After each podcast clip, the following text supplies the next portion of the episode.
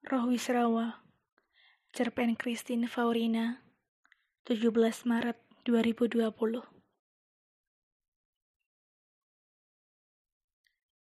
Roh Wisrawa diam-diam telah menyusup ke dalam tubuhmu mengisi kekosongan yang ada di setiap sudut jiwamu.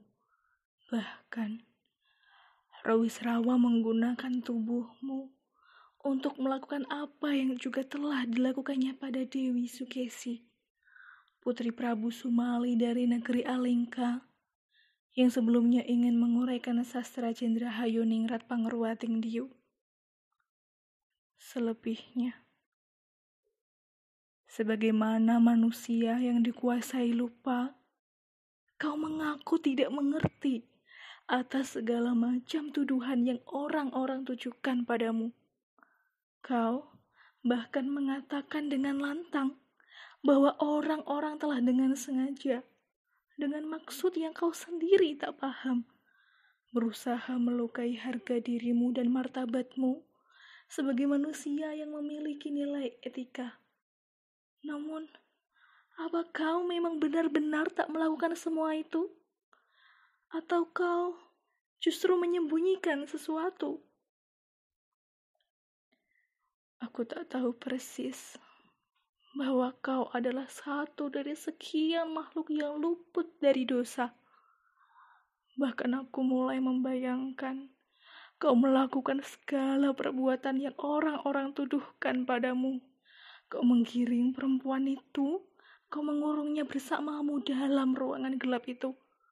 Namun, kau tak pernah menyadari bahwa ada berpasang mata yang dengan tak sengaja menangkap gerak-gerik dan perbuatanmu.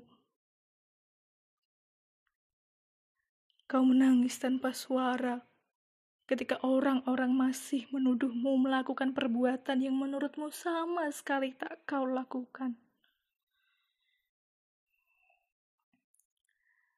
Aku tak pernah melakukannya, katamu. Kau tahu, semua orang ingin mendengarmu mengatakan bahwa ya, kau memang melakukan sesuatu. Tapi sebaliknya, kau selalu membantah semua tuduhan itu. Bahkan, apa yang kau katakan selanjutnya terdengar sangat mustahil di telinga semua orang. Kenapa? Kalian tak percaya? Tanyamu. Aku benar-benar tak menyentuh perempuan itu. Dalam sekejap, Rawi Serama menyusup ke dalam tubuhku. Aku tidak tahu mengapa ia menyusup ke dalam tubuhku. Aku hanya bisa membiarkan Rawi Serawa berbuat semaunya dengan perantara tubuhku. Pikiranku berlompatan padamu dan perempuan itu. Rawi Serawa menyusup ke dalam tubuhmu, kau bilang. Coba bayangkan. Bagaimana mungkin kau menyatukan alam Wisrawa dan alam manusia ke dalam satu alam? Dan kau membiarkan roh Wisrawa berbuat semaunya atas tubuhmu? Mulutku ternganga membayangkan jika hal itu benar-benar nyata. Astaga, sejak kapan tokoh pewayangan bisa menyusup ke dalam tubuh seseorang? Lalu kalau kau yang sekarang adalah benar-benar kau, maka kau yang Wisrawa terbang ke mana? Aku mengedarkan pandang. Kalau-kalau Wisrawa betul masih ada di sekitar. Wajahku menengadah ke langit. Adakah Wisrawa tengah melayang di atas? Aku ingin sekali mendengar kau berteriak sambil menunjuk ke salah satu arah. Lihat itu, di atas sana. Rawisrawa sedang melihat kita dari atas. Tapi sayangnya, kau tak melakukan itu. Sungguh, kalau saja kau melakukan itu, tentu semua tuduhan padamu akan berganti dengan ketakjuban yang tak bisa aku gambarkan. Mengapa tiba-tiba kau mengatakan tentang Wisrawa? Seperti baru saja kau menyaksikan pagelaran wayang yang dulu sempat kita gemari sewaktu kanak-kanak. Kau mengaku pada semua orang bahwa kau melihat sendiri Wisrawa turun ke hadapanmu ketika kau dan perempuan itu berada di dalam satu ruangan yang gelap. Kau menceritakan semua kejadian yang kami anggap tak masuk akal dengan sungguh-sungguh tanpa khawatir bahwa semua orang akan menganggapmu sebagai seorang pembual. Benar-benar pengakuan yang di luar nalar batinku. Wisrawa, di jagat pewayangan, ia memang melakukan setidaknya kurang lebih seperti apa yang telah kau lakukan pada perempuan itu. Kukatakan setidaknya kurang lebih, karena dalam ingatanku, Wisrawa memang melakukan perbuatan terlarang itu.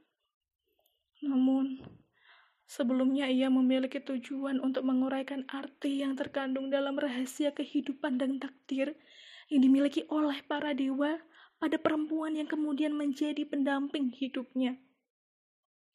Aku mulai berpikir, apa samanya kau dengan Wisrawa selain melakukan perbuatan terlarang itu? Adakah kau juga sama seperti Wisrawa, hendak menguraikan rahasia kehidupan dan takdir pada perempuan yang kau kurung bersamamu di ruangan gelap itu? Aku tak berbohong, katamu. Seperti Wisrawa, apa yang sebelumnya hendak kau lakukan pada perempuan itu sebelum Wisrawa menyusup ke dalam tubuhmu? Tanyaku. Kau menjawab dengan menyebutkan satu kata yang membuatku takjub. Puisi. Kau memang tergila-gila pada puisi. Tanpa ragu, dulu kau mengatakan padaku bahwa puisi adalah kau dan kau adalah puisi itu sendiri.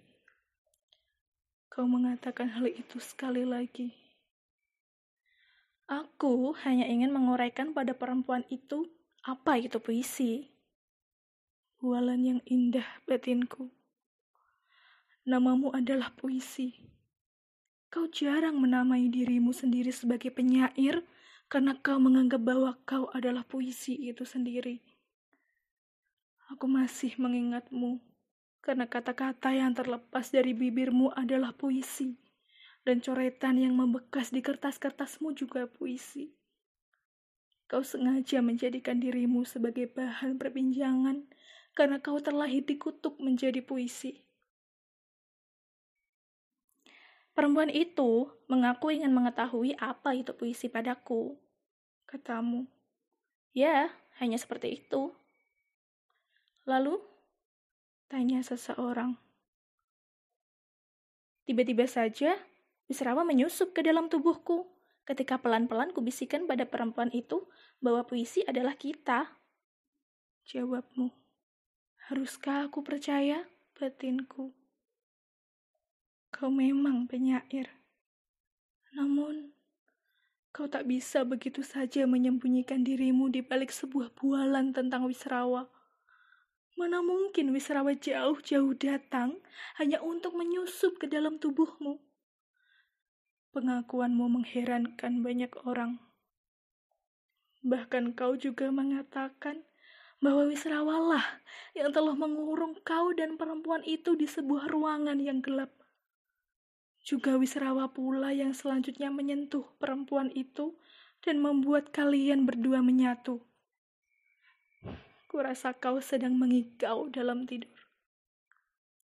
Aku merasa buntu. Ceritamu tentang Wisrawa memukul-mukul kepalaku secara bertalu-talu. Kakiku terasa membeku. Seseorang menuntunku menjauh agar tubuhku tak roboh. Kau berhasil menculik kepercayaanku padamu yang dulu terkunci rapat dalam hatiku. Adakah kau melakukan semua itu? Karena sebenarnya kau telah bosan padaku, istrimu,